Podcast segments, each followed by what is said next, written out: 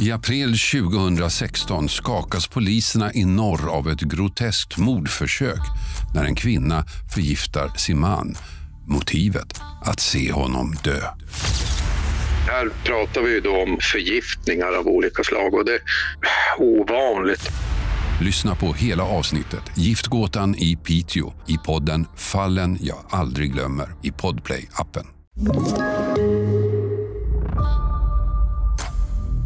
I april 2016 skakas poliserna i norr av ett groteskt mordförsök när en kvinna förgiftar sin man. Motivet? Att se honom dö. Här pratar vi då om förgiftningar av olika slag och det är ovanligt. Lyssna på hela avsnittet Giftgåtan i Piteå i podden Fallen jag aldrig glömmer i Podplay-appen. Det här är en podcast om historiska, spektakulära och kaotiska händelser som med tiden fallit i glömska men som onekligen förtjänar att stå i rampljuset. Jag heter Mattias Och jag heter Jennifer. och i den första säsongen riktar vi blickarna mot Nordamerika.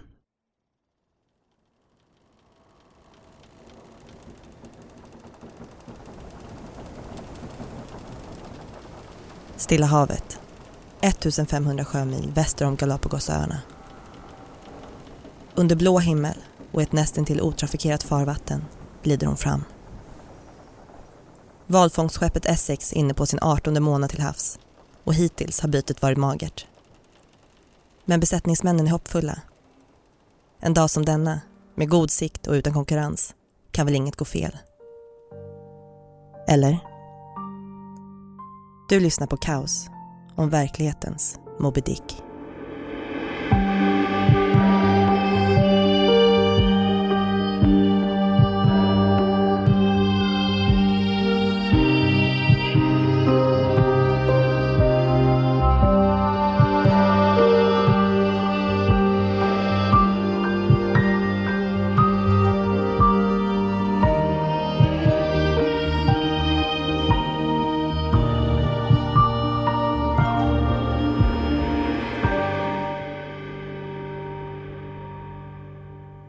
Det är tidigt 1800-tal och valjakt har blivit en värdefull sysselsättning. Men det är inte köttet som lockar. Vissa valar jagas för att ätas, men de allra flesta smakar faktiskt riktigt, riktigt illa. Nej, det är helt andra komponenter som efterfrågas. Späcket som omvandlas till valolja och i sin tur används som bränsle är superpopulärt. Men man har även kommit underfund med att en del arter bär på unika skatter som kan underlätta och förfina livet för oss på land. Badvalarnas gomlister fungerar till exempel utmärkt som skenor i korsetter. Och kaskelotternas huvuden innehåller en sorts vax, valrav, som lämpar sig perfekt för tillverkning av vaxljus och salvor. Och det är just kaskelotter som valfångarna på Essex spanar efter. Det finns 20 män ombord. Eller ja, män och män. En del av matroserna är knappt torra bakom öronen. Vissa så unga som 15 år och utan någon större erfarenhet av vare sig båtliv eller valjakt. Längst fram i ledet av denna brokiga skara står den 29-årige kaptenen George Pollard. En tvättäkta sjöman från Nantucket som för första gången i sitt liv fått äran att leda en valjakt. Det har gått ett och ett halvt år sedan de kastade loss och än så länge har de inte nått någon större framgång. Men idag ser det ljust ut. Det är den 20 november 1820 och Stilla havet ligger, ja, stilla. Lätta brisar fyller seglen och solen värmer utan att bränna. Högst upp i mesanmasten sitter utkiksposten och spejar. Klockan ska snart slå åtta och inom kort kommer man se någonting bryta genom vattenytan. Han har suttit där i några timmar nu. Men en morgon som denna gör ingenting. Plötsligt händer det. Långt föröver syns tunna vita vattenstrålar skjuta upp i havet. Han skriker så högt han förmår och pekar i riktning mot strålarna. Blås!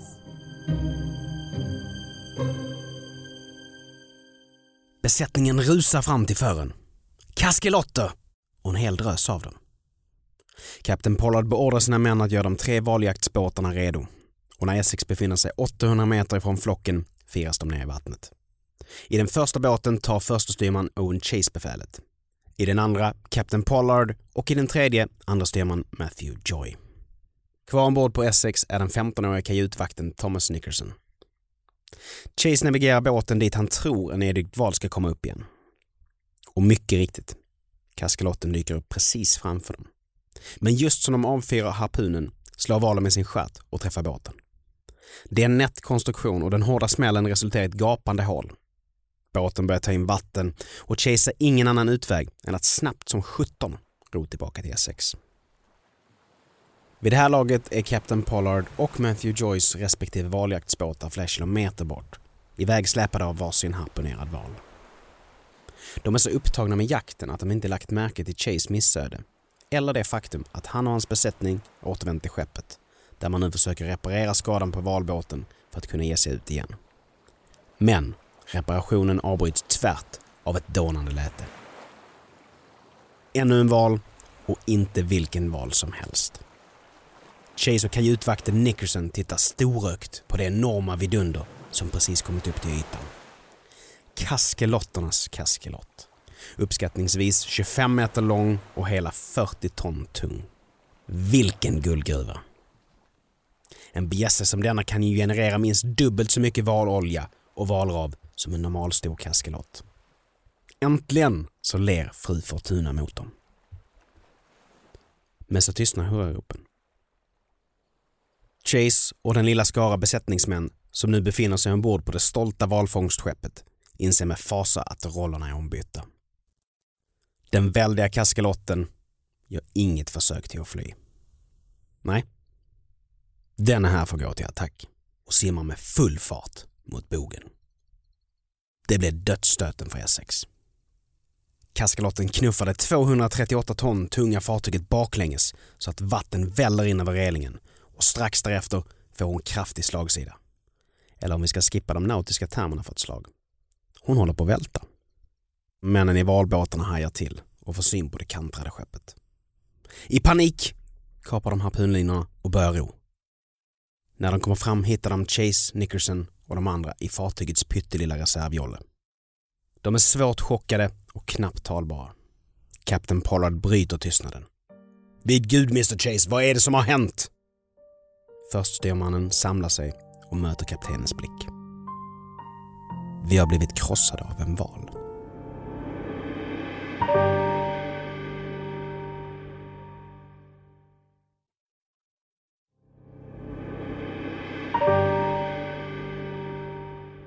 Besättningen befinner sig flera dagsresor ifrån land. De är med andra ord riktigt illa ute. Vad som till en början tycktes bli en toppendag har nu övergått till en kamp om överlevnad. Febril aktivitet utbryter och männen skyndar sig med att fylla valbåtarna med så mycket proviant från det flytande vraket som de bara förmår och som de nätta båtarna orkar bära. De lyckas få med sig navigationsinstrumenten, några tunnor färskvatten, 300 kilo skeppsskorpor och sex jättesköldpaddor. För att ha någon som helst chans att kunna ta sig fram utan att köra helt slut på sig själva klipper och syr de om Essex segel. De två valbåtarna och den lilla reservjollen tilldelas varsin befälhavare. Precis som under jakten är det Pollard, Joy och Chase som chefar. Och nu, nu är det kväll och de kan inte göra mycket mer än att sätta sig ner, be en stilla bön och försöka stävja den ångest som växer sig starkare för varje minut som det blir mörkare. När dagen gryr så har de en plan. De ska segla österut mot Sydamerika.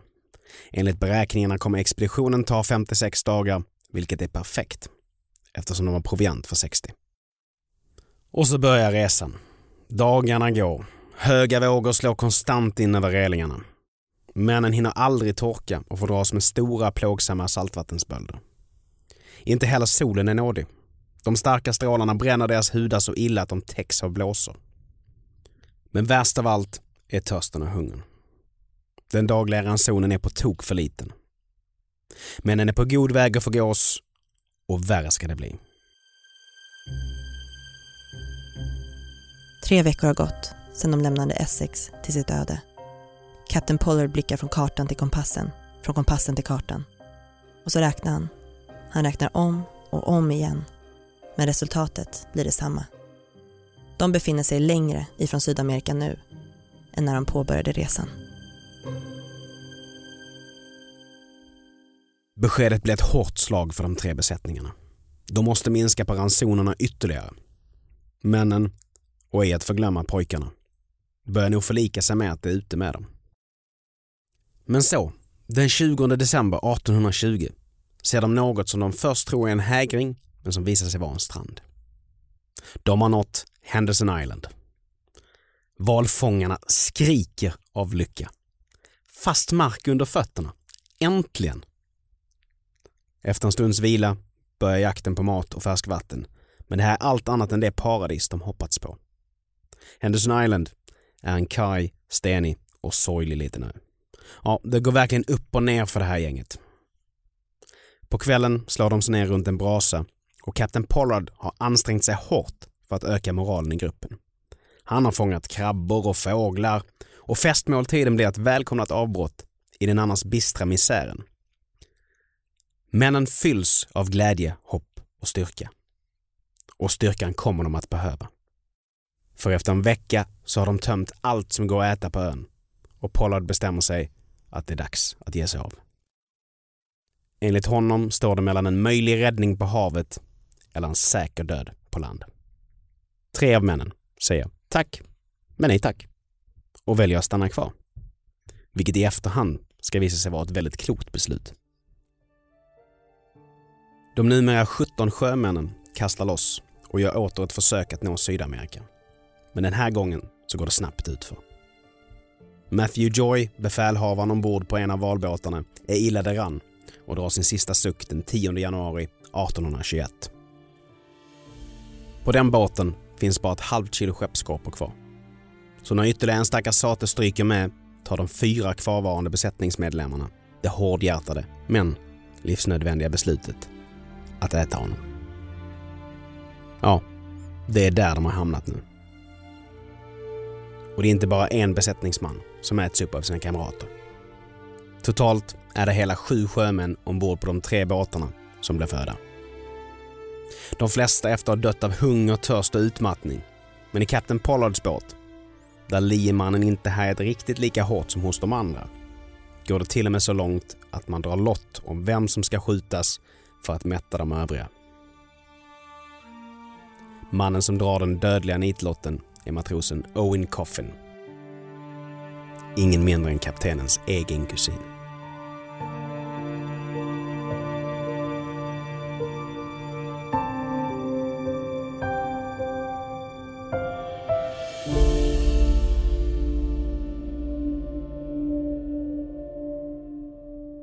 Januari blir till februari. Joys båt är sedan länge försvunnen och kommer aldrig återfinnas.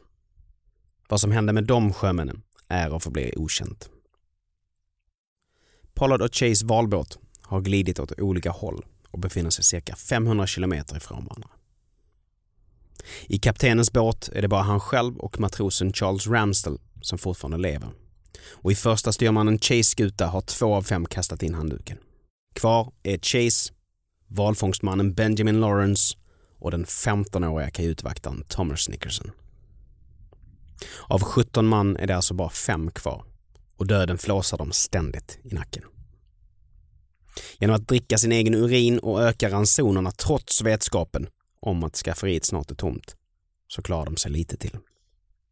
Men bara knappt. Kropparna är utmärglade Ögonen står ut ur deras kranium och huden är täckt av stora sår. De orkar inte hålla sig upprätta längre, utan ligger ner på duken och drömmer sköna drömmar om överdådiga bufféer för att sen vakna och gråta av besvikelse. Ska räddningen komma så måste den komma nu. Och det gör den. Den 18 februari 1821 får Chase syn på ett segel. Han och hans två kamrater ror allt vad de förmår och till slut så kommer de ikapp. På skeppet Indien har man noterat den lilla valbåten och tror knappt sina ögon när man ser männen. Tre levande skelett. Med stor möda lyckas man få dem ombord. Chase, Lawrence och Nicholson kan pusta ut. Pollard och Ramsdell har lika tur de. Valfångstfartyget Dolphin har sett deras båt och kommer till undsättning. Besättningen tittar chockat på de utmärglade sjömännen och skelettresterna som ligger i högar på båten.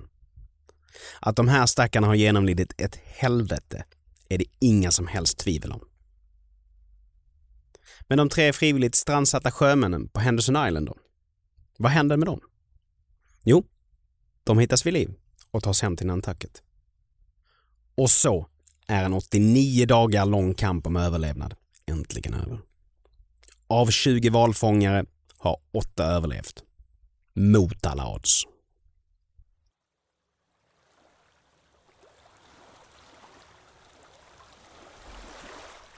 30 år senare kliver en viss novellist i land på ön Nantucket. Den 32 år gamla Herman Melville har precis släppt ett verk som kommer bli ett av de främsta litterära skatterna, oturligt nog, efter hans död. Moby Dick. En berättelse om en olycksdrabbad kapten och en extremt ilsken megaval. På sin sista dag i fiskesamhället träffar han den numera 60-åriga nedbrutna George Pollard. Han vars olycka till havs inspirerat Melvilles fantastiska berättelse. Pollard har överlevt inte en, utan två förlisningar. Den sista bara två år efter katastrofen på Stilla havet.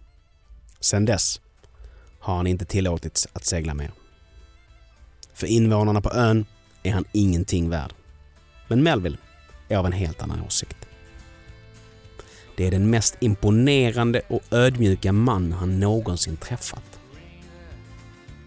Och i ärlighetens namn, om inte en valattack, kannibalism och 89 dagar som skeppsbruten gör en ödmjuk. Vad skulle då göra det?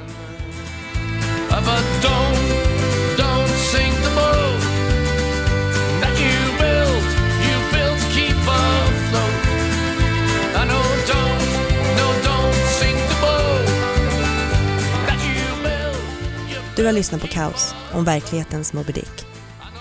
Källorna som används är smithsonian.com, ne.se, wwf.se, tidskriften Illustrerad vetenskap och dokumentären Den sanna historien om Moby Dick. Vi som gör den här podden heter Jennifer Devard och Mattias Nogren. Följ Kaos podcast på Instagram för att se bilder från fallen. Tack för att du har lyssnat.